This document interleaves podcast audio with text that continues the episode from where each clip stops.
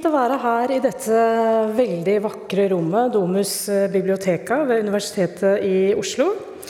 Velkommen til alle dere som er kommet hit eh, gjennom regnbygene, og velkommen til dere som hører på podkasten i opptak etterpå. Nå skal vi altså ha et live møte med eh, tre populære internasjonalt orienterte podkastserier som alle tre har holdt på ganske lenge. Eh, og som, eh, som eh, i podkasten snakker om henholdsvis Tyskland, Frankrike og Storbritannia. Og podkasten heter 'Tyskerne', 'Frankrike forklart' og 'Pod Britannia'. Temaet for dette livemøtet det er Europas heteste kulturdebatter. Og da særlig med vekt på metoo og av kolonialisering, eller det man også kan kalle en slags botsgang for fortidige synder. Og disse tre podkastene er eh, representert ved Kai Schwint, som sitter her. Han er førsteamanuensis ved School of Arts, Design and Media ved Kristiania her i Oslo. Og det, du representerer tyskerne, og er jo tysk-norsk. Og så er det Kjerstin Aukrust, som er førsteamanuensis i fransk litteratur og områdestudier ved Universitetet i Oslo. Og vi kan vel si at du er fransk-norsk? Og så er det Øyvind Brattberg, som er førstelektor ved Institutt for statsvitenskap, også ved Universitetet i Oslo, og som vi kjenner som en Storbritannia-kjenner. Vi starter litt sånn generelt med de viktige kulturdebattene, og da er det jo fristende å starte med skandalene. Det er det som skaper overskrifter, det er det som skaper debatt. Og en kjenning som uh, er godt kjent i hele Europa, det er Michel Olbeck. Som jo nesten kontinuerlig skaper kulturdebatt i Frankrike. Nå sist denne sommeren med en bok som heter 'Quelque mois ma vie', 'Noen måneder av mitt liv', som kom ut i eh, mai. Og da skriver han om perioden oktober 2022 til mars 2023 hvor han syns at han hadde det veldig vanskelig. Og dere vet jo at Michel Olbeck har gitt ut eh, mange, eh, mange romaner som har solgt veldig mye, også her i Norge. Han er Frankrikes mestselgende forfatter. Og så sa han ja til å være med i en pornofilm i fjor høst, og det har han angret på noe veldig etterpå. Og så har han i tillegg gitt, et, uh, gitt et intervju til en uh, kjent fransk uh, høyreintellektuell, Michel Onfray, hvor de to snakker, sier en del kontroversielle ting. F.eks. at det er innvandring som er årsaken til kriminalitet. og De tar til orde for et slags omvendt Bataclan, altså at liksom, hvite franskmenn skal hevne seg på angrepet på Bataclan i altså, det konsertstedet Bataclan i 2015. Og Kjerstin, dette er ditt område. Denne boken har du lest. Hvorfor? Eh, Hvorfor har jeg lest den?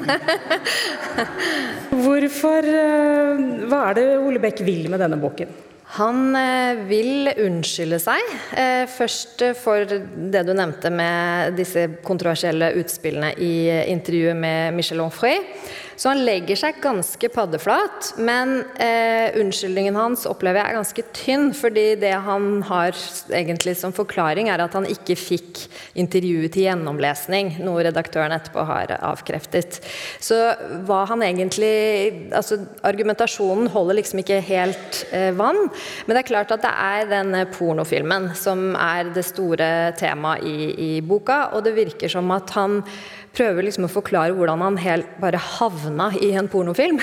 Litt sånn eh, ja, nærmest mot sin vilje. Eh, og selv om han har signert noen kontrakter og er jo veldig sånn forkjemper for amatørporno, det har han jo vært lenge, eh, men, eh, men den er ganske morsom å lese, fordi han, han, har jo da gitt et kallenavn på denne nederlandske regissøren som han mener har lurt han. som Han kaller konsekvent 'Kakerlakken'. Også denne eh, pornoskuespillerinnen som han, som han havnet til sengs med, kaller han Purka. Så det er veldig sånn Ikke noe misogyni eller noe som helst uh, inni der. Eh, og ja, han, han, han, føler seg lurt. Og han sier at for første gang i sitt liv så føler han seg som et, et, en, dyr i en, en dyrehage. Et, et, dyr i en dyrehage. Eh, og at han ikke har noe kontroll over, over situasjonen. Så den er liksom Jeg ville ikke anbefalt nødvendigvis å lese den, men den har sin underholdningsverdi. Og Ole Beck han er jo bl.a. omstridt fordi han anklages jo for å ha en del ganske høyreekstreme meninger. Og for å si ting da om innvandrere bl.a. som er eh, veldig, veldig kontroversielt. Og Syns du at liksom, Ole Beck og Michel Onfray representerer en slags sånn eh, det man kan kalle en slags høyredreining også i fransk offentlighet, som vi bl.a. har sett nå i sommer. Det har jo vært en veldig, veldig lang streik i en av de eh, kjente ukeavisene i Frankrike, fordi eh, de har fått en ny redaktør som også er ganske eh, ikke bare Ja, han er i hvert fall veldig høyre, høyreradikal og kontroversielt. Og, og det tas som et tegn på at det er en slags sånn høyredreining i fransk offentlighet. Hva syns du om det? Ja, det er jeg helt enig i at det er. Denne redaktøren du refererer til, eh, Geoffroy Lejeune, han har vært sjefredaktør tidligere for Valeur Actuelle, som er en erkekonservativ og man kan nesten si eh, altså høyreekstrem eh, utgivelse. Har, og han har tette bånd til bl.a. Erik Zimour, som var presidentkandidat i, i, fjor, til høyre for Marine Le Pen, bare for å plassere han på, på det politiske kartet. og til niesen til Marine Le Pen, Marion Maréchal, som også representerer en sånn identitær, eh, ultrakonservativ, eh, høyrepopulistisk side, kan man vel si. Eh, og det er jo denne ansettelsen av Le Jeune i denne søndagsavisa, det er bare ett av flere tegn på denne høyredreiningen. Fordi det er en sånn mediemogul i Frankrike som heter Vincent Bolloré, som kalles, eh, ofte kalles Frankrikes svart på Rupert Murdoch. Eh, som eier eh, masse forskjellige medier, TV-kanaler, nesten hele bokbransjen. Eh, kjøper seg inn i, radiokanaler, nye aviser. Eh, og, og, har veldig sånn tette politiske bånd til bl.a. Erik Zemmour og tidligere president Nicolas Nicolas Sarkozy, som da begge tilhører eh, høyresiden.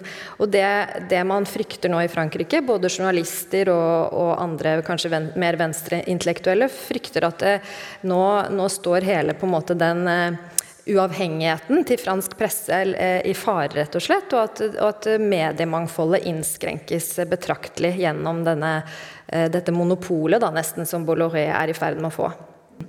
Øyvind Kjerstin sier at Frankrike har fått sin Robert Murdoch med Vincent Bolloré.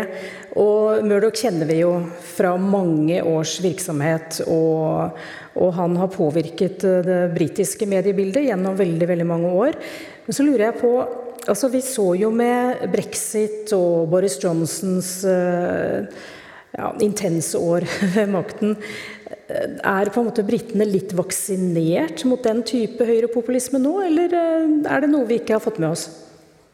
Jeg er glad du ikke spør om Ole Beck i, i britisk tapning, for det kunne komme Det tror ikke jeg kunne, kunne ta til noe meningsfylt. Nei, man, jeg tror um, I den britiske offentligheten så er det, det er jo en debatt som er veldig lagdelt og veldig preget av ulike segmenter, men sånn har det jo alltid vært. Altså Avstanden fra den mest tabloide tabloid til den mest høyverdige broadsheet, den avstanden er stor, og det har, den, det har den bestandig vært. Men politisk så har man en hva skal man si, en avsmak for bestemte deler av den, både den høyrepopulistiske og den ekstremt kulturkonservative eh, strømningen som man finner eh, på deler av kontinentet en slags avsmak for disse gammelmodige europeerne. Ja, dels gammelmodige og dels gærne, eh, og noen ganger begge deler samtidig. Eh, ekstrem kulturkonservatisme har man ingen tro på i det konservative partiet, fordi man skal være lett på foten og man skal videre. Og den beste måten å sørge for at Storbritannia kommer vinnende ut av det 21. århundret, det er å være lett på foten. Det er jo en del av um, Boris Johnsons hva skal man si, evangelium også. Selv om man selv er ganske tung på labben, så var jo hele brexit-historien var jo om å sprenge seg fri fra dette gamle, trøtte, innadvendte Europa. Og gjerne ha seks forskjellige hudfarger i regjeringen og, og, og på en måte bli den, globale stormakt man har drømt om. Eh, og da må man tilpasse en del nasjonale verdier på, på veien.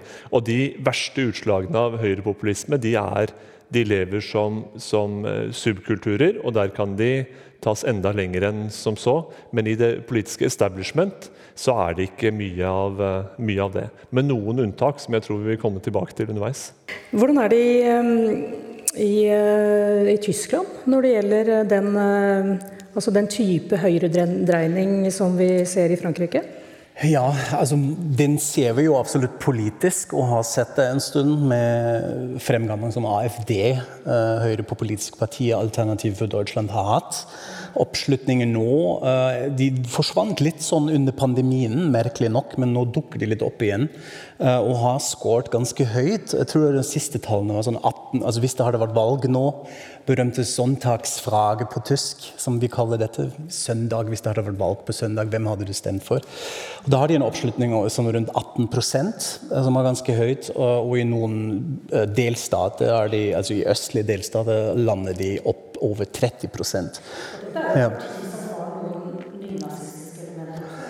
Absolutt. De er jo i den, Hvis man sammenligner det med andre eh, høyrepopulistiske partier i, over hele Europa og kanskje hele verden, i den fase hvor de har kanskje kvittet seg med en del fullstendige garninger, men har fortsatt med i den prosessen og har tydeligvis eh, forbindelse i høyre radikale miljø.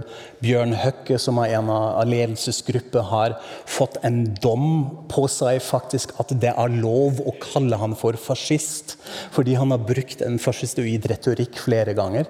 Så dette er en, en veldig merkelig gjeng eh, som nå prøver eh, å, å, kjøre på ulike temaer som er i vinden. Og jeg tror en av de grunnene, uten at vi skal snakke så mye politikk i kveld, er også en ganske elendig oppslutning som den nåværende regjeringen, altså Ampel-regjeringen, trafikklysregjeringen, som består av Sosialdemokratene, Fridemokratene, FDP og De Grønne, har gjort. Ulike saker som ikke har helt fungert i kommunikasjonen, hvis man er litt diplomatisk, som har ført til at um, ja, mange er veldig misfornøyd med dem.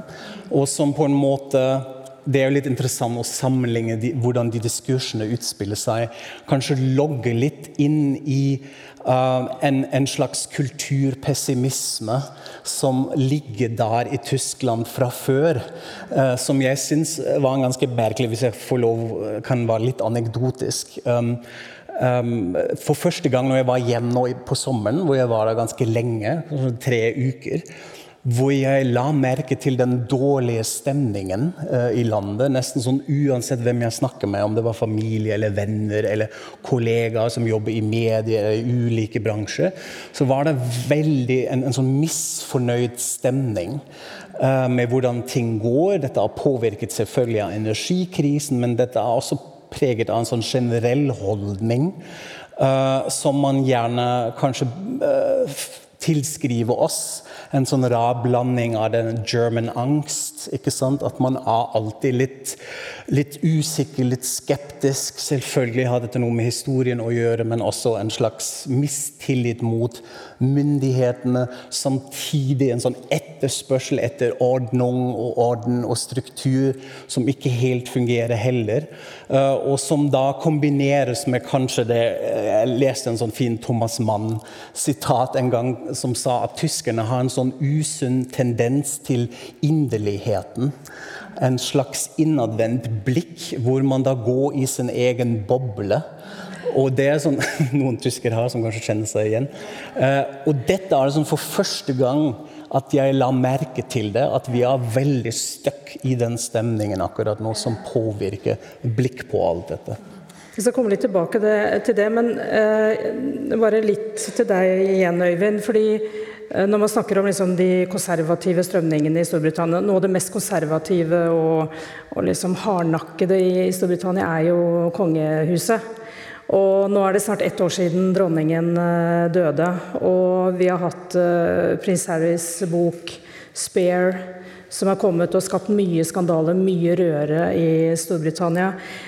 Er det noe av den samme altså Greier kong Carl, som vi kaller ham på norsk, greier han å på en måte demme opp for noe av den eh, pessimisme som vi også har hørt noe om fra Storbritannia, som skyldes de økonomiske vilkårene først og fremst da, i landet?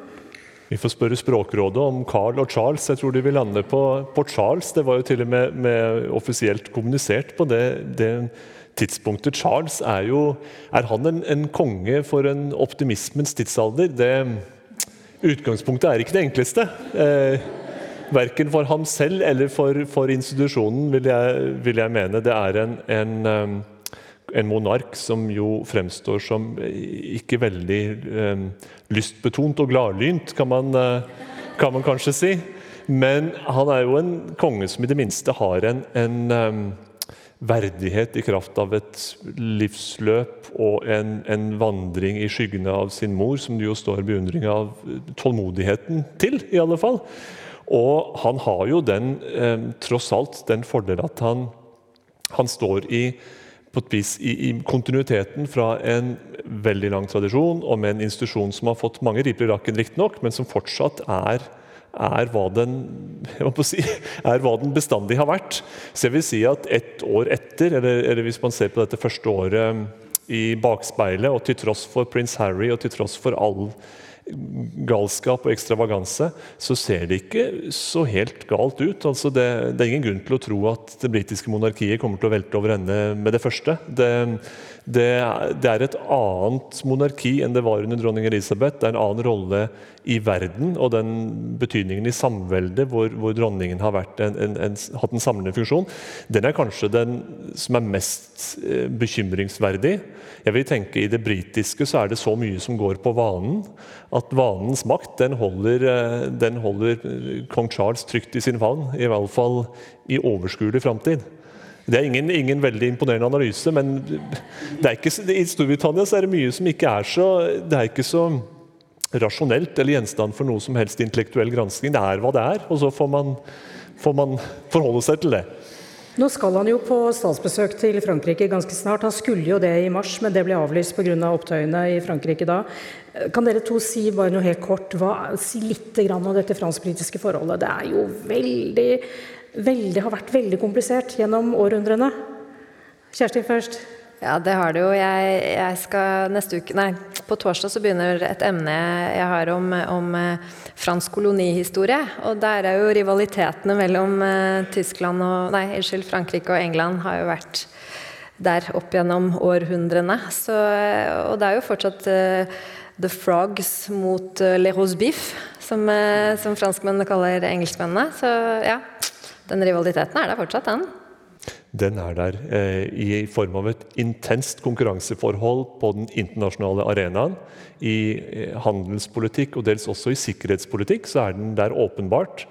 Eh, og samtidig med det dilemmaet at hvis Storbritannia skal være trygt, så trenger det Frankrike. Og til en viss grad vice versa. og Det gjelder iallfall alt som angår forsvars, virkelig forsvarspolitikk med noe kraft i, så må Storbritannia og Frankrike stå sammen. Både for Europa sin del og for sin egen del. Så det er jo et tvunget samarbeid og et tvunget partnerskap. Eh, all rivaliseringa til tross. Og så er det Europas to suverent tyngste kolonimakter, som begge har dette voldsomme postkoloniale eh, paradigme å, å bakse med. Hvem, hva er det egentlig man har gjort med verden? Hva er det egentlig man har gjort med disse landene man har kolonisert, og hvordan skal man forholde seg til det?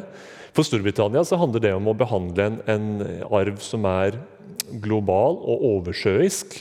For Frankrike så handler det mer om nærområder i større grad, og en annen, hva skal man si, en annen erfart trussel også fra det nordafrikanske som er så tett på. Eh, så dette er vel også temaet vi skal snakke litt mer om. Men, Storbritannias spøkelser de er stort sett oversjøiske, og det gir litt annen, eh, et annet utgangspunkt. Det skal vi komme tilbake til når vi skal um, snakke om denne avkolonialiseringen. Men jeg vil tilbake igjen til Tyskland og holde litt fast i denne høyre altså høyreretorikken. Og den store skandalen i Tyskland, kulturskandalen i sommer, det er jo Rammstein. Jeg vet ikke om noen her var på konsert med Rammstein i vår. Det var kanskje du, Kai? Var du det? Om jeg var på konsert? På konserten, ja. Nei, det turte jeg ikke. Det turte jeg ikke. Nei, nettopp. Det har aldri vært min musikk. Skal jeg nå si Nå henger jeg meg på bølgen at jeg aldri litt eh, Rammstein. Nei, Men det er men altså, det er altså jeg vet jo hvordan showet er. Det er altså et av verdens mest populære metallband og Tysklands viktigste, en av de, Tysklands viktigste eksportartikler. Og, og de, de synger jo på tysk og har solgt 20 millioner album eh, i hele verden. Det er ganske imponerende. Men eh, så er altså vokalisten eh, nå anklaget for seksuell trakassering, for voldtekt. Og han granskes nå av tysk politi, og det er blitt avdekket i tys tyske og internasjonale medier en, eh, en sånn kultur rundt det bandet, hvor de har organisert eh, partyer før og etter konserter, og det har vært liksom en sånn organisert eh, rekruttering av jenter eh, som da skulle ha sex med i hvert fall vokalisten i, i Rammstein. Veldig alvorlig og dramatisk sak. Og, og Rammstein er jo kontroversielt også fordi de er eh, De blir jo anklaget for å leke med alt dette høyrepopulistiske grumset i Tyskland. Og dette, er, eh, dette har du fulgt med på nå i sommer. Hva er status liksom, for Rammstein-skandalen? Ja, altså det er, det er kanskje bra at du, at du sa det på den måten at man ikke kan undervurdere hvor stort Rammstein faktisk er som band, som fenomen. Også som kanskje noe av de største cash cows for label Universal. Det er også mange som har undret seg over hvorfor fortsetter de med denne verdensturneen som foregår akkurat nå, med disse anklagene. Eh, Når man ser på de tallene de har vært i, i eh, Nord-Amerika nå med bare sånn 11 gigs og har kanskje hatt en omsetning av jeg tror det var sånn 65 millioner dollars bare med de konsertene. Så det er svært enterprise, en, en svær franchise, og da er det kanskje litt ikke så lett å kansellere det med en gang. Da venter man litt hvordan Uh, utviklingen er. Jeg syns det er liksom to ting kanskje som er litt påfallende her. Det ene er det du var litt inn på, at det kunstneriske uttrykket, estetikken, tematikken som Rammstein har lekt veldig bevisst med gjennom årene, står ganske mye i veien av den saken, av vurderende og hvordan man skal gjøre dette her. Fordi det er mange som henger seg på denne ja, ja, 'told you so'-bølgen. ikke sant? Se på de. De har lekt med Leni Riefenstahl, eh, ikonografi. Det har Og hun var, jo, hun var jo filmskaper som jobbet for Hitler. Hitler, absolutt. Eh, Så en, en, en slags bagatellisering, mener mange, av BDSM, sex, av vold mot kvinner osv. i uttrykket. Eh, Samtidig mener jeg at man må være litt forsiktig der, fordi da er vi litt i kjernen av den kan man skylde kunstner og verket. ikke sant? Hvordan burde man bedømme dette? Men de har jo selv selvfølgelig gjort, gjort dette eh, med vilje, med denne tvetydigheten. Lekt litt med det som vi alle syns er litt vanskelig. Og fasiten, som også vi i podkasten Tyskerne lander på, vi har lagd en egen portrettepisode om den før skandalen, var at dette er en slags ironiserende, satirisk tilnærming til de temaene. Iblant ganske smart. Deutschland en sånn musikkvideo og låt som de lagde, som har masse interessant og ganske smart i, når man deschiffrerer dette. Men så hjelper det jo ikke når de anklagene kommer nå, og hvordan man håndterer det. Og Kan det dette bety Rammsteins eh, endelikt, disse anklagene? Ja, altså Jeg tror det countdownen går nå. Eh, Jeg ser ikke helt hvordan de klarer å komme seg fra det. Også fordi det blir mer og mer mer og mer kvinner som kommer frem. Dette er jo en pågående rettssak, som du, som du sa. ikke sant? Så det, det, det, samles indiser nå, og det samles inn bevis. Og bandet selv har ikke gjort en særlig god figur da med å svare på dette. Det er mye kommunikasjon i sosiale medier, og det er mye som kanskje en slags opphissing av fansene. At man sier nå, nå skal vi stå på. Men det, det som jeg syns er litt interessant, er det, det andre poenget, er hvordan man har nå også, hvordan politikken begynner å interessere seg for dette. Nå har noen konservative CDU-politikere invitert en av de varslerne som starta hele saken, irske Shelby Lynn, for å snakke i forbundsdagen.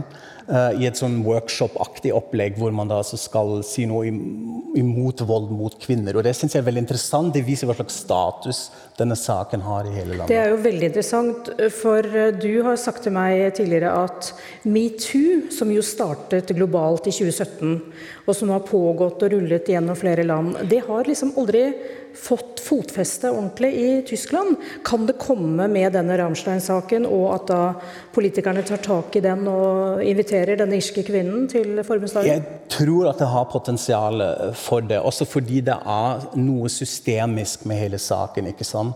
Det har kommet frem flere bands, uh, andre underholdningsbedrifter som har jobbet i musikkbransjen i mange år, som sa at dette med Row Zero og sånn Vi har hatt sånne varianter, vi òg. Eh, ikke på det store nivået, men det har skjedd, og man begynner å bli litt mer oppmerksom på dette. Um, så det du spurte om med eh, henger Tyskland litt etter med metoo generelt?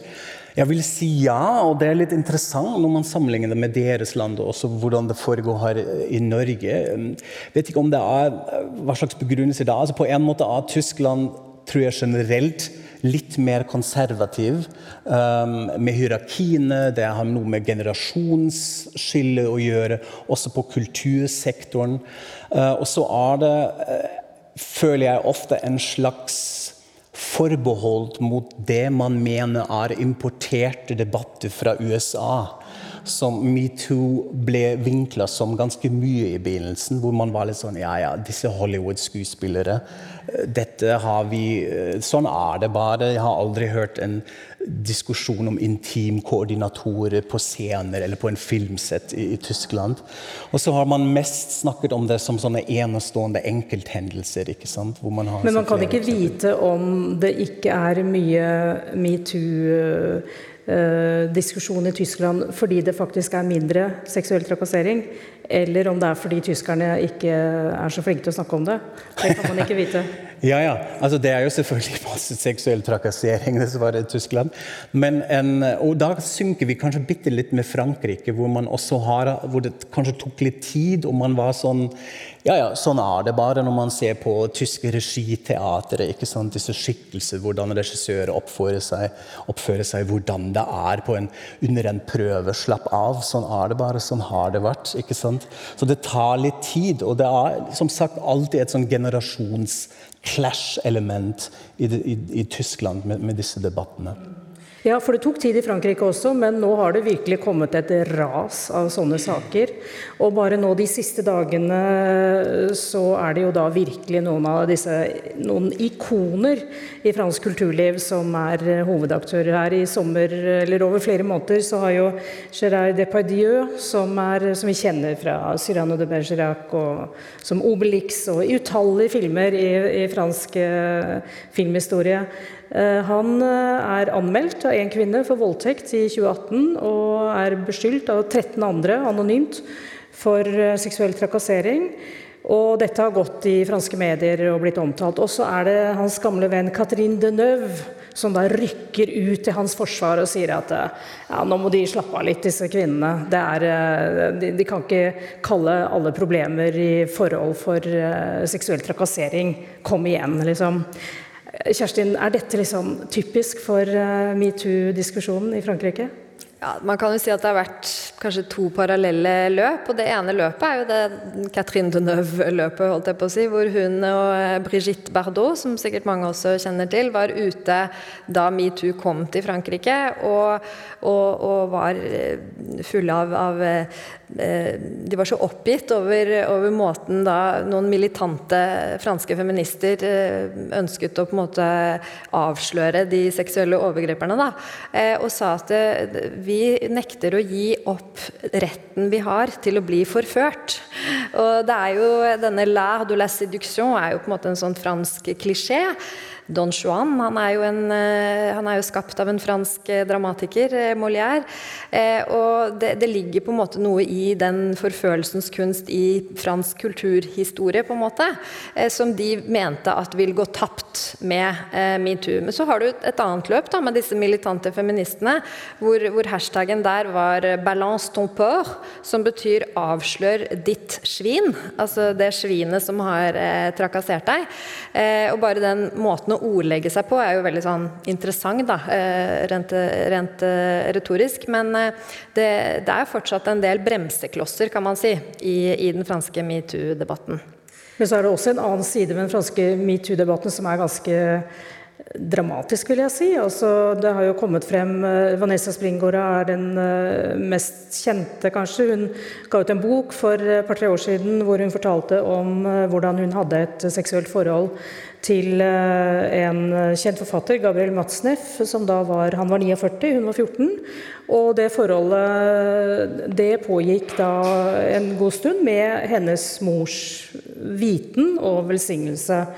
Og så har du Camille Kouchner, som skrev om broren sin, som ble misbrukt av deres felles stefar, som er en kjent intellektuell i Frankrike. Og disse bøkene har på en måte avslørt en, en hel sånn kultur i kanskje sånne venstreliberale miljøer hvor det var greit, uh, langt på vei, å ha sex med barn, eller ha, at barn skulle involveres i seksuelle handlinger. Hva, hva, er dette for noe? Har de tatt, har de tatt oppgjøret med, med denne tradisjonen nå? Ja, altså For det første så syns jeg det er viktig at du trekker frem disse bøkene, fordi det viser hvilken plass litteraturen har hatt i, i metoo i Frankrike. Det, det var faktisk eh, med, med, samtykke, da denne boka til eh, Vanessa Springora, 'Le Consentement', at metoo virkelig begynte å rulle. ikke sant? Og du hadde ikke hatt den boka til Camille Couchner, 'Den store familien', uten Vanessa Springora først. ikke sant? Så det, det var virkelig Ballen begynte å rulle. Eh, men så er det helt nødvendig det oppgjøret som nå blir tatt med en, en gruppe 68-ere som, eh, som, eh, som, har vært idealisert, og fortsatt er all grunn for så vidt til å, til å hylle Jean-Paul Sartre, Simone de Beauvoir, Michel Foucault, andre som har vært veldig, og fortsatt er veldig betydningsfulle tenkere i, i fransk historie, men som da var med på å signere opprop i, i kjølvannet av mai 68. da Eh, for en, en, seksuell frigjøring som man i dag vil si gikk altfor langt. Da, at, at, at, barn også hadde rett til eh, seksualitet. Eh, mm. Uh, og, og, flere har jo da bl.a. tidligere kulturminister Jacques Lang, som også var en av de som signerte det oppropet, har jo tatt fullstendig avstand til det. Uh, men det kom først nå etter Springoras bok, f.eks. Altså det, det, det var helt nødvendig. Uh, og, og, det er et, et, kulturskifte, rett og slett, i, i Frankrike som følge av disse utgivelsene. Mm. Og, og, dette er jo altså 68-generasjonen det var jo et oppgjør med liksom, katolsk seksualmoral og den slags. Har du sett noe lignende i Storbritannia, Øyvind? Det var kanskje ikke så mye oppgjør med katolisismen, eh, men en slags sånn eh, viktoriansk eh, puritanisme. Det kjenner vi jo godt til fra Storbritannia. Har det vært noen lignende avarter som det vi har sett i Frankrike når det gjelder altså, seksualitet og barn? Jeg tror du kan svare for mye eh, undertrykt seksualitet gjennom eh, måten public schools har fungert, eh, frigjørende ungdomsår etterpå, spesielt på eliteuniversiteter, hvor det har foregått mye som til dels har vært ja, frikoblet vanlige moralske kodekser, og en del som også har hatt preg av, av makt og overgrep og hierarkier. Og mye, veldig mye av dette bak lukkede dører, og som aldri har nådd offentlighetens lys. Og så kan man si i seinere år at mer av dette kommer i, i drypp, drypp, drypp. Men, men, da som en måte å avsverge bestemte hva skal man si, bestemte typer utskeielser. Um, og ikke, den, ikke, i samme omfang som i Frankrike. Det, det kan, jeg ikke, kan, jeg ikke, se. Altså. Noen fæle enkeltsaker. Jimmy Savile, et godt eksempel på det. Den gamle eh, BBC-bestefarslignende Eh, figuren som etter alle disse årene blir avslørt for, for, eh, for, det han hadde gjort seg skyldig i overfor barn. Men Ja, eh, og ute av, ut av sogaen. og noen sånne, sånne enkeltsaker, men, men, ikke den samme ikke i den samme brede front som i, i det franske. Det, det, vil jeg påstå. Og i dag, i, i debatten per, per, i dag, så er det veldig mange varianter av krenkelse man diskuterer, og, og, og, som på et vis har beveget seg videre fra, fra metoo, eh, og som også ofte har lite med, med, seksualitet å gjøre, men med alle andre former for krenkelse og alle andre former for minoritetsbeskyttelse. Eh, og, og, her er det veldig mye som slår inn i det politiske ordskiftet i dag også, eh, på de besynderligste måter. Mm. Men i Tyskland har det også vært det, altså 68-opprøret var jo viktig i Tyskland, og det var jo ganske mange forbindelser mellom Tyskland og Frankrike. Har det vært en, den type venstreliberal tenkning i Tyskland også? Absolutt, og jeg vil si at vi har en slags ekko fra Frankrike eh, hva, hva, det gjelder denne saken sånn ledende figurer fra det venstre på den tiden, venstre-radikale miljøet, som ble konfrontert med en del holdninger. Daniel Cohn-Bendit er jo en sånn figur som både var 68-ere i Frankrike og i Tyskland, marsjerte i gatene. Stå for denne opplyste tankegangen som da gikk litt for langt.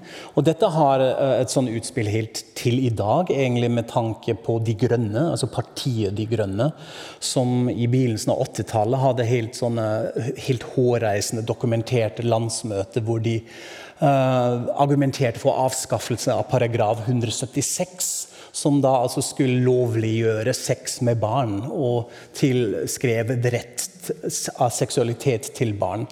Og noe av de Renate Kunast, Folker Beck, altså kjente skikkelser av den nåværende uh, politikken, var til signerte ting osv. Og, så og de må svare til i dag.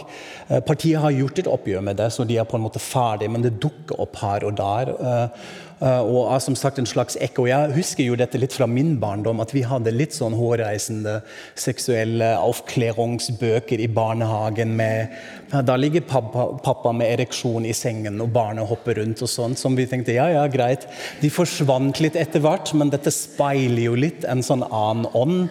Eh, som selvfølgelig ble pervertert til, til det ytterste med, med, sånne initiativer. Og Vi må jo ha hatt en slags avart av dette i Norge også, avslørte A-magasinet i en lengre artikkel sist helg. Hvor da en eh, pedofil organisasjon da faktisk fikk eh, ta del i, eller bli en del av de homofiles kamporganisasjon en kort periode. Men det store, det store metoo-saken Me i Europa nå, den foregår jo i Spania. Og eh, dette kysset eh, som den eh, spanske fotballpresidenten serverte i seiersrusen til en av VM-heltene som kom hjem fra New Zealand det, Vi skal ikke snakke om akkurat det her, men vi kunne jo kanskje ønske oss at England hadde vunnet den finalen. da. Så hadde vi sluppet dette tullet her. Det burde de da også. Men da, Øyvind, det er jo, altså England er jo, er jo fotballens hjemland. Og de kom seg til finalen og da er jeg litt nysgjerrig på hvordan, Hvilken status har de kvinnelige fotballspillerne i, i England sammenlignet med liksom denne lange tradisjonen som herrene, herrene, har? De burde åpenbart ha vunnet den eh, finalen. Det er jeg helt enig i den, eh, den vurderinga, fall som en, en, begynnelse. Og det hadde, et, hadde de vunnet, så hadde det vært et, et enormt nasjonalt uh, løft. Men det ble det jo allerede, fordi de, de, gikk så langt som de gjorde, og de har det EM-gullet fra, fra hjemmebane friskt i minne det britisk kvinnefotball, eller engelsk kvinnefotball har fått et enormt løft i, i de, har, eh, de, de siste årene. Og mm, britisk toppidrett har jo i det store og hele et stort innslag av både kvinnelige helter og av det flerkulturelle. Så det er jo et veldig fungerende altså Sportssektoren er jo en ganske så velfungerende inkluderingsinstitusjon. I hvert fall Hvis man er på jakt etter forbilder og flerfold, mangfold, så er det veldig mye å finne i, i britisk toppidrett så vel som i så vel som i populærkulturen for øvrig. Fotballen har jo vært en sånn, kanskje et siste domene med mannsdominans. Eh, det har vi ikke snakket så mye om, om rugby og polo og sånt. så jeg foreslår vi holder litt på siden her. Men, men, blant vanlige idretter så har fotballen vært noe som lenge har vært mannsdominert. Men guri malla, nå er løvinnene der i, i full i full skala, og de er helter godt, gode som noen. Eh, og Det er jo det er man, en, en, utvikling man gjenkjenner i mange, i mange, land, men det er veldig stor stolthet heftet ved det i England, som jo var, den, var fotballens selverklærte hjemland fra begynnelsen av. Og nå har de et, et, et topplag blant kvinnene og kvinnelige forbilder å vise til. Og det, det, betyr mye. Det er jevnt over bejublet. Det eneste problemet med finalen var at den ble spilt såpass tidlig på en søndag at det måtte spesielle godkjennelser til for å kunne åpne skjenkestedene. Det var eh, det, var det som preget eh, avisene gjennomgående i men de løste, de løste, det også. Ja, nettopp. Ja, Det var vel en stor kultursak i, i England da, Helt forferdelig. i de dagene. Uh, vi skal bevege oss mot uh, det vi kaller sånn avkolonialisering. Og man skulle tro at vi kanskje var ferdig med den debatten fordi uh, de britiske og, og, franske koloniene, og, og, også i Tysklands tilfelle Namibia, ble jo selvstendige land på 50-, 60- og noen ut på 70-tallet. Eh, men det, dette er en evig debatt. Og eh, et utslag av det nå er jo dette voldsomme sinnet mot Frankrike i de tidligere koloniene i, eh, i Afrika. I Nigers hovedstad Niamey nå så er det, altså det er død over Macron og det er død over Frankrike. Og de er så rasende. Og det samme i Mali og, og flere andre tidligere franske kolonier. Kjerstin, er dette sinnet legitimt, syns du? Ja, det, det, det, vil jeg vel si. Um, altså det, Øyvind var jo inne på det så vidt i stad, hvor, uh, hvor, vanskelig det er å håndtere uh, sin kolonifortid. Uh, og man kan vel si at Frankrike i hvert fall har hatt en, en problematisk måte å, å, håndtere det på, kanskje særlig i, i forhold til sine tidligere afrikanske kolonier. da. Eh, og man, man, har et uttrykk som man kaller eh, France Afrique, eh, som er et veldig I, utgangspunktet så, det, så, skulle det være et, et positivt ladet ord for forholdet mellom Frankrike og de tidligere koloniene, altså det frankofone Afrika. Mens nå har det blitt et veldig negativt ladet begrep som, som betegner dette, dette, forholdet som er preget av fortsatt økonomiske, politiske, kulturelle og militære interesser. Der Frankrike på en måte ikke klarer å løsrive seg fra den koloniale måten å tenke på. Da. At de fortsatt har en sånn litt sånn pater familias eh, autoritær holdning eh, overfor Afrika, eh, de afrikanske landene. Eh, og, og, selv om flere presidenter har prøvd å ta et oppgjør med det, også Macron han er jo faktisk den første presidenten i Frankrike som er født etter at kolonitiden tok slutt. Eh, så man skulle tro at det var på en måte litt sånn en anledning til, til å starte på nytt. Da. Så det, det, er akkurat som at de ikke klarer det helt. Eh, eh. han har jo gjort noen forsøk. Han lovet jo i 2017, rett etter at han ble president, at uh, det skulle iverksettes Eh, tiltak, og bl.a. helt konkret så ville han ha en plan for tilbakeføring av kulturgjenstander som finnes i hopetall på franske museer, som da skulle tilbakeføres til, til afrikanske land. Hvordan har det gått med, med de planene? Ja, han, han øh, fikk en, en rapport øh, utarbeidet i 2018 av, eh, av, kunsthistoriker Benedict Savoy og, og den intellektuelle senegaleseren Felvin Serre, som, som, anbefalte at alle afrikanske kulturskatter som eh, Frankrike hadde tilrøvet seg under koloniperioden, det er snakk om en 90 000, skulle tilbakeføres til sine opprinnelsesland dersom opprinnelseslandene ønsket det. Eh, og av de 90 000 Jeg prøvde å få en oversikt over hvordan det ligger an nå, da, fem år etter at denne rapporten ble publisert. Det var vel maks 200 som er, eh, som er tilbakeført. Eh, og, og der, så Åpenbart er ikke det så lett som, som, man skulle tro. Eh, for dette er jo faktisk ting man har tilrøvet seg. da.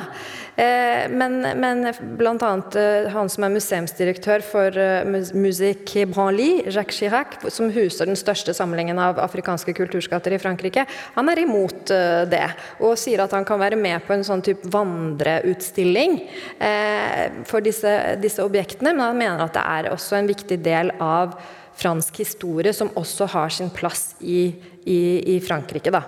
Eh, så den debatten der er, er eh, ikke lett, og, og det, det, tyder jo på at, at, Frankrike fortsatt ikke er ferdig med eh, kolonihistorien sin. Da. Og dette gjelder jo Storbritannia i høyeste grad også, Øyvind. Jeg så at British Museum, Museum har jo mange krav om tilbakeføring av kunstgjenstander, bl.a. 900 bronsegjenstander som ble tatt i 1897 fra Benin-kongedømmet i det nåværende Nigeria. I, uh, den tradisjonelle sjefen for Asanti-folket i Ghana Asante-folket vil ha tilbake en del gullgjenstander fra British Museum. Hvordan går det med Er det noen forhandlinger? Er det noen løsning på, på disse kravene? Det går langsomt, det, det går langsomt framover. Og her er det jo, hvis man kan kalle det framover, det er i langsom bevegelse. Men her er det jo veldig ulike perspektiver som møtes, for å si det forsiktig. Perspektiver omkring hva europeisk vitenskap, kunnskapssamling, eh, alt det som springer ut av opplysningstiden, og som man mener da ble ført videre av arkeologer og historikere og oppdagere, og de som på en og samme tid understøttet et verdensherredømme og imperialisme, og samtidig eh, bygget vitenskap på, verdens, på klodens vegne, eller på sivilisasjonens vegne. Og denne selvforståelsen av at det var kunnskap og systematisk eh, hva skal man si, ivaretagelse av verdensarven, den, den, ideen sitter fortsatt ganske tungt i, i, i Storbritannia. slik at British Museum skal ikke være noe å skamme seg over. Det er noe av, er av de flotteste samlinger eh, verden har å å by på. Og det skal man ikke, Der skal man ikke la seg kue av de som for, forlanger at ting skal vende tilbake til sine opphav osv. Så, videre. så her er det, det er jo grunnleggende motstridende synspunkter, og det går raskt over i en debatt om hva man skal mene om sin egen forhistorie. Og om man hele tiden skal gjøre bot for og skamme seg over det som på mange måter har vært et opplyst verdensherredømme. Der, eh, der står debatten, kan man vel si. Ja, og så er det jo det så nå Bare for noen dager siden så ble det jo lagt frem en, eh, en eh, rapport ja, i hvert fall var det en, en FN-dommer som har konkludert med at uh, Storbritannia for å ha gått i bresjen for eller deltatt i slavehandelen gjennom uh, så lang tid, så skylder da Storbritannia de afrikanske landene som ble offer for dette, Altså, det, det, er noen tall her som er så store at jeg nesten ikke greier å altså, Det er mye renter som er påløpt? Ja, 24 trillion pounds, som jeg har funnet ut at på norsk er ca. 31 200 milliarder kroner. Altså det er mer enn det dobbelte av verdien av oljefondet. Som da han mente var minstesummen som britene skylder eh, de landene som ble ofre for eh, slavehandelen. Er Altså det, er, det, er, jo ikke realistisk at britene vil utbetale noe sånt. Men er det en, en, diskusjon i det hele tatt å betale den type bøter for denne historien?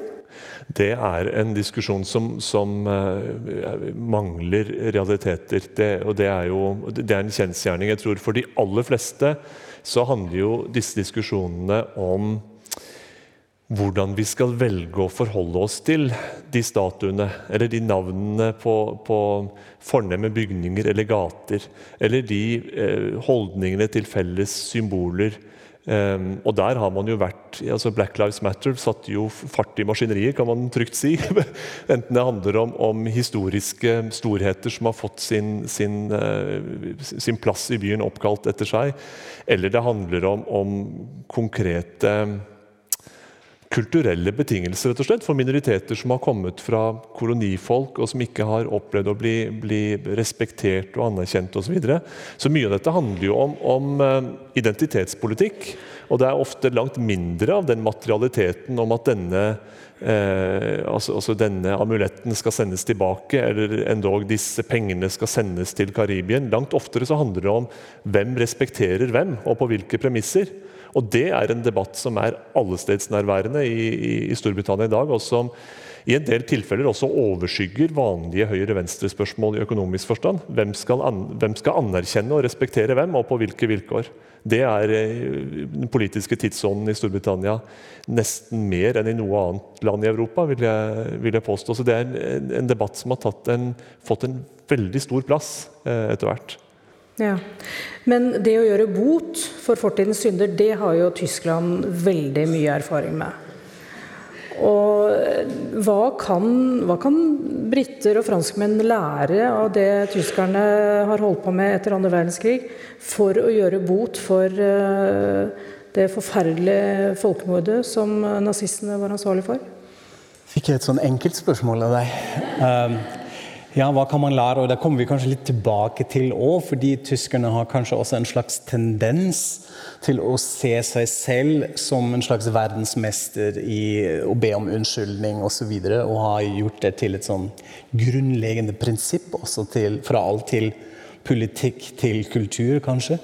Det første er, er kanskje en anerkjennelse av det. ikke sant? Det tok jo litt tid i Tyskland òg, etter krigen, hvor man først og fremst var da opptatt med det såkalte økonomiske miraklet, altså bygge opp landet, før man da kunne begynne å zoome inn på de spørsmålene. sånn Apropos 68-ere. Nå har vi snakket veldig stygt om dem i kveld, men de er jo kanskje den første generasjonen som har gjort noe med uh, å sette spørsmålstegn rundt dette, med denne såkalte entnazifisering, altså denazifiseringen av landet som skulle foregå etter andre verdenskrig, at den ikke hadde fungert fordi det var i utgangspunktet et slags håpløst prosjekt. Du hadde fortsatt dommere, lærere, folk i offentligheten som var glødende nazister, partimedlemmer uh, under andre verdenskrig, som nå ble called out, hvor man sier, hvor 68-bevegelsen sa nå må vi gjøre noe mer. Så det er et sånn første steg at man faktisk kalle en spade for en spade, eller hva sier man på norsk, eh, som ofte er jo eh, det som er vanskeligst i de, de, debattene, også anerkjennelsen av det, er det grunnlag for reparasjonsbetalinger her eller ikke.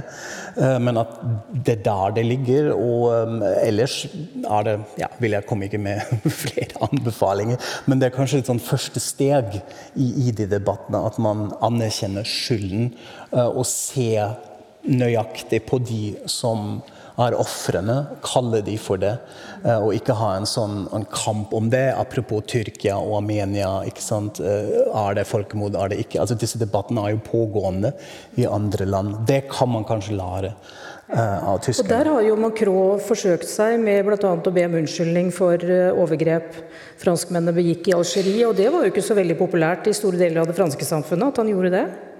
Nei, og da, før han, før han, ble valgt til president for første gang i 2017, så var han jo eh, gjest på Al-Shazira og sa at eh, kolonisering var en forbrytelse mot menneskeheten. Og det falt heller ikke i god jord eh, blant deler av særlig da høyre, høyresiden i Frankrike. Så for meg så høres det rimelig åpenbart ut at, at kolonitiden var en forbrytelse mot menneskeheten, men det er altså fortsatt brennbart materiale å påstå noe slikt i Frankrike. Mm. Men Kai, dette, denne arven da fra andre verdenskrig, det er jo liksom hele tiden en sånn understrøm i den tyske kulturdebatten. Og den kom veldig til overflaten under dokumentet av denne kunsthappeningen uh, som foregår i Kassel hvert femte år. Og hvor det da i fjor ble utstilt et uh, kunstverk laget av en indonesisk kunstner som ble erklært å være antisemittisk. Og det ledet til eh, direktørens avgang osv. osv. Hvorfor skapte dette så enormt mye røre i Tyskland? Ja, altså På en måte er antisemittismeanklager alltid en slags showstopper, uansett hva slags debatt det handler om. Det er både noe innøvd i de offentlige debattene i Tyskland, noe hvor alle føler dette kan vi, vi klarer å identifisere dette. Men samtidig, hvis det blir litt mer nyansert og sånn mer krøkkete, så, så, så blir det vanskelig. Uh, og man prøver å finne hvem hadde ansvar for hva her. Akkurat med denne dokumentsaken er det kanskje viktig med den premissen at det allerede var en del bråk før selveste utstillingen satt i gang. At man Eh, det er jo et sånn rullerende kurateringssystem. ikke sant? Det er ulike kunstnere som kuraterer, har den kunstneriske ledelsen. Og da hadde man også en indonesisk eh, kunstnerkollektiv, ikke de som skapte det verket, som hadde egentlig lyst å ha en mer globaliseringskapitalisme, kritisk utstilling. Man skulle få med flere stemmer fra hele verden. Uh, og det gikk det, det, det kunstnerkollektivet på. altså En slags Israel-kritisk holdning som, uh, hvor tyske, den tyske offentligheten, og spesielt også det tyske kunstfeltet, reagerer, gjerne sånn refleksaktig. Hvor man blander faktisk antisemittisme uh, Dette var jo i det, i det maleriet. ikke sant, Finansjøder og sånn karikaturtegninger som minnet om karikaturtegningene av det styrmet, altså nazipropagandabladet. Fra 30-årene. Ja, med uh, en, den faktisk politiske debatten. Altså det å kritisere Israel, som er alltid veldig vanskelig å navigere for tysk politikk, men også for den tyske offentligheten og tysk kultur.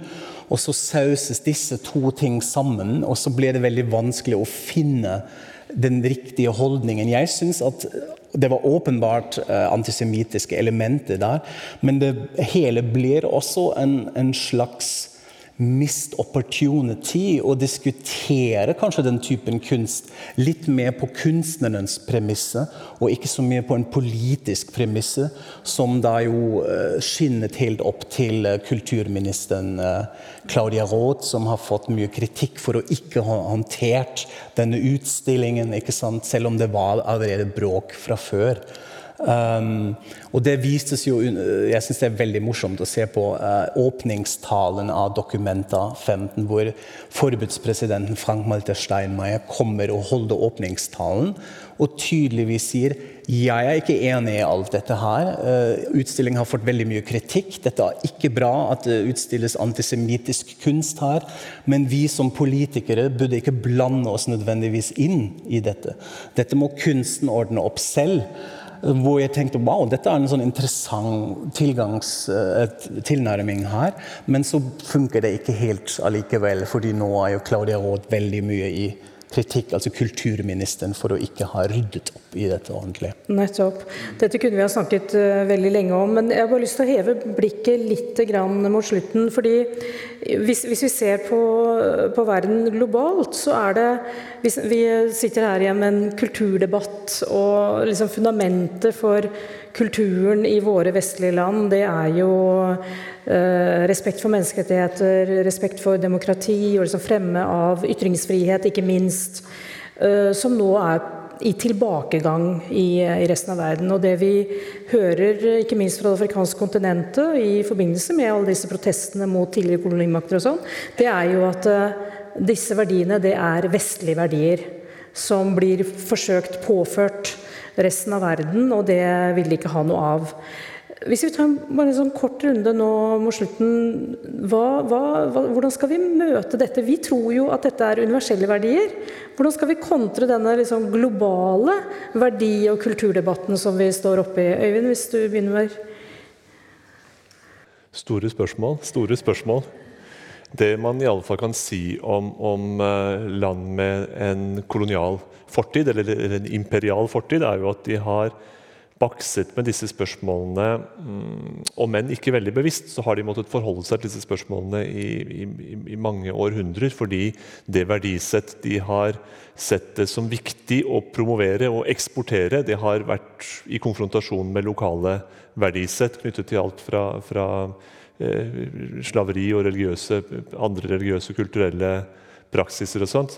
Nå har ikke Storbritannia bestandig holdt sin sti ren i sin måte å forholde seg til um, folk i koloniene.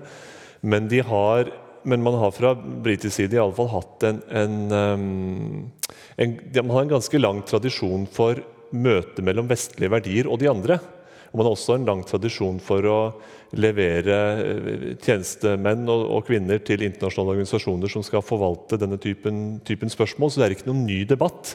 Selv om Vesten i dag virker mer konfrontert enn på mange mange år, så er man på en måte kjent med de lange linjer i, dette, i disse spørsmålene.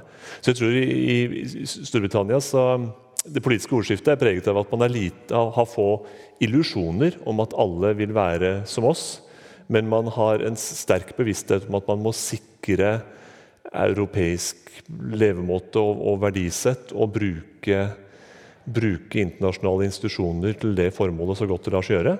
Så er det dumt at man samtidig skyter seg sjøl i kneet og melder seg ut av en enkelte av de institusjonene. Men, eh, men, men, jeg, men jeg, tror nok at, at, viljen til å tenke internasjonalt samarbeid den er til stede. Og evnen til å ta ansvar er det, er det også. Um, men svaret på de store spørsmålene har man, har man jo ikke. Det tror jeg det er ingen som har per i dag.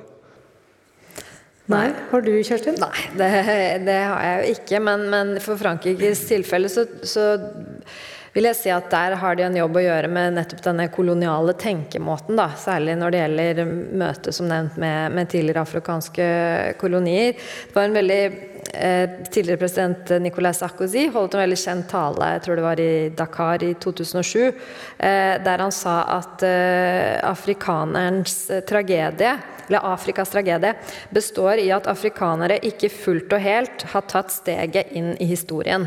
Eh, og den, og den type holdninger, det tror jeg Frankrike må rett og slett legge bort, og så heller forsøke å leve opp til sin egen devise med liberté, égalité, fraternité, at man møter dem mer på, på like fot, da, istedenfor å ha den eh, pater familias-holdningen fortsatt. Mm. Kai?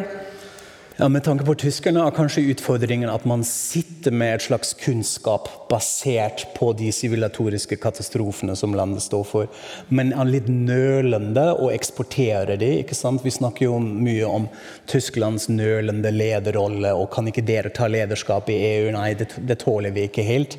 Men det, det, er noe der, og jeg tror én ting er en slags sånn moralsk, demokratisk kompass at det demokratiet som vi nå har, det må jobbes med, det må forsvares.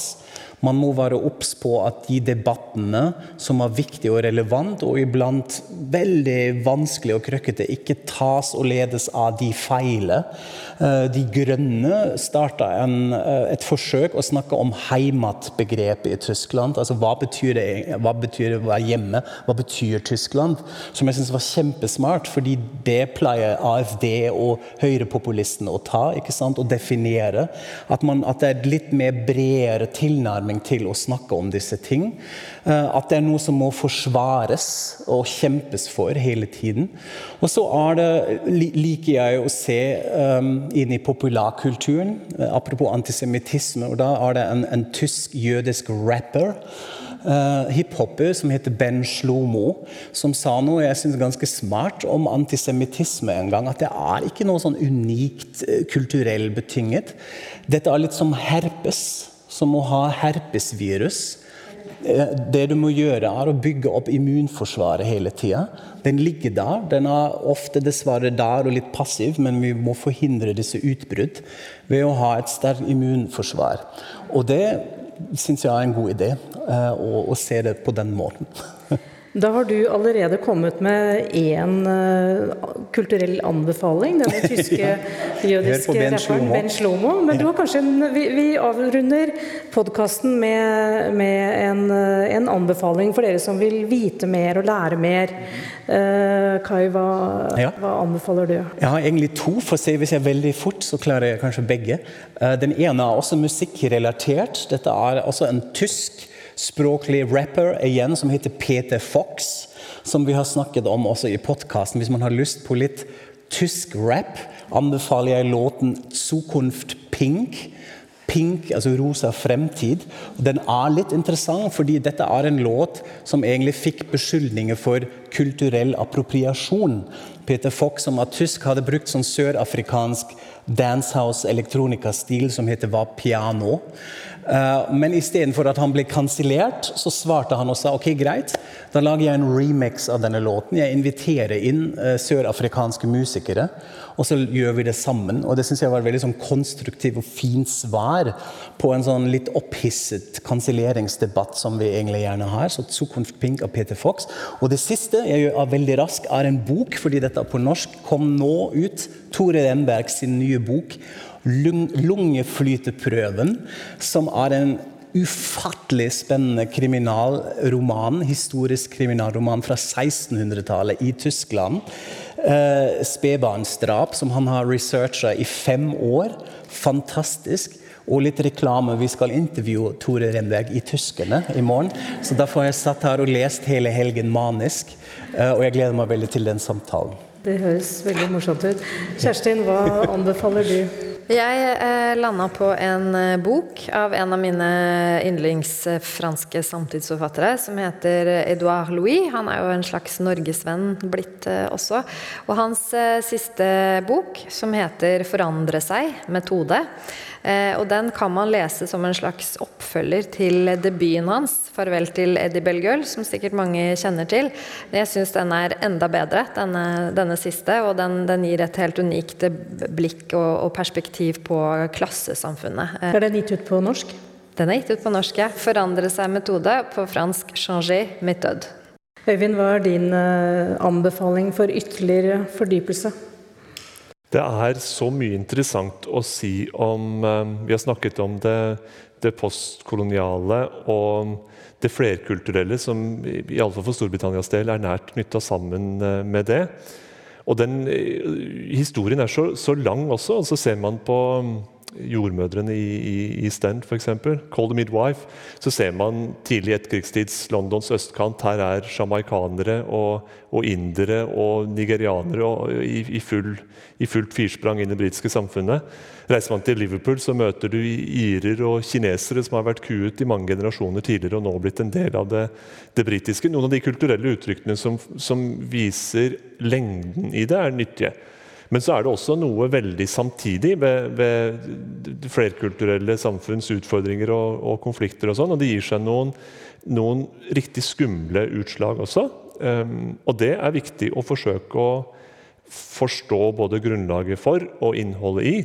Uh, og I sommer så har jeg sett på, på den um, dokudramaserien i fem deler som gikk på NRK, som på norsk fikk tittelen 'Mannen på innsiden' som handler om, om eh, at den har sitt utspring i, i drapet på eh, parlamentsmedlemmet Joe Cox like forut for brexit-avstemningen. Eh, og den eh, forsøket på å infiltrere den nynazistiske grupperingen som ønsket å drepe flere politikere, og som ønsket å på et vis stikke hull på det samfunn Storbritannia har blitt, og starte et opprør, eh, opprør omkring det. Den, den serien er den tar veldig mye på pulsen. Mye av det som er bak nyhetsbildet. Et, et sted nede i dypet der hvor det både er grums og erkjennelse om hverandre. Det syns jeg var, var, veldig interessant. Og det er tematikk som man kan velge å løfte blikket og bare gå forbi, eller man kan velge å stoppe opp og se nærmere på det. Jeg vil anbefale det siste. Og den serien ligger nå på NRK fortsatt? Den ligger fortsatt der. Det var veldig gode anbefalinger. Tusen takk skal dere ha, dere tre. Frankrike forklart er et samarbeid mellom Universitetet i Oslo og Høgskolen i Østfold. Podkasten er støttet av Det norske universitetssenteret i Paris og Institut Francais i Oslo, og har full redaksjonell frihet. Abonner på Frankrike forklart på iTunes, Spotify eller på andre plattformer der du lytter til podkast. Har du kommentarer til oss eller forslag til temaer vi bør ta opp, kan du sende inn det via vår Facebook-side Frankrike forklart. Alle dagens referanser ligger på denne Facebook-siden og på nettsiden vår. Vi skriver en kronikk i forbindelse med hver episode som belyser dagens tema fra en litt annen vinkel. Kronikken finner dere på forskning.no, Transitmagasin og på nettsiden vår.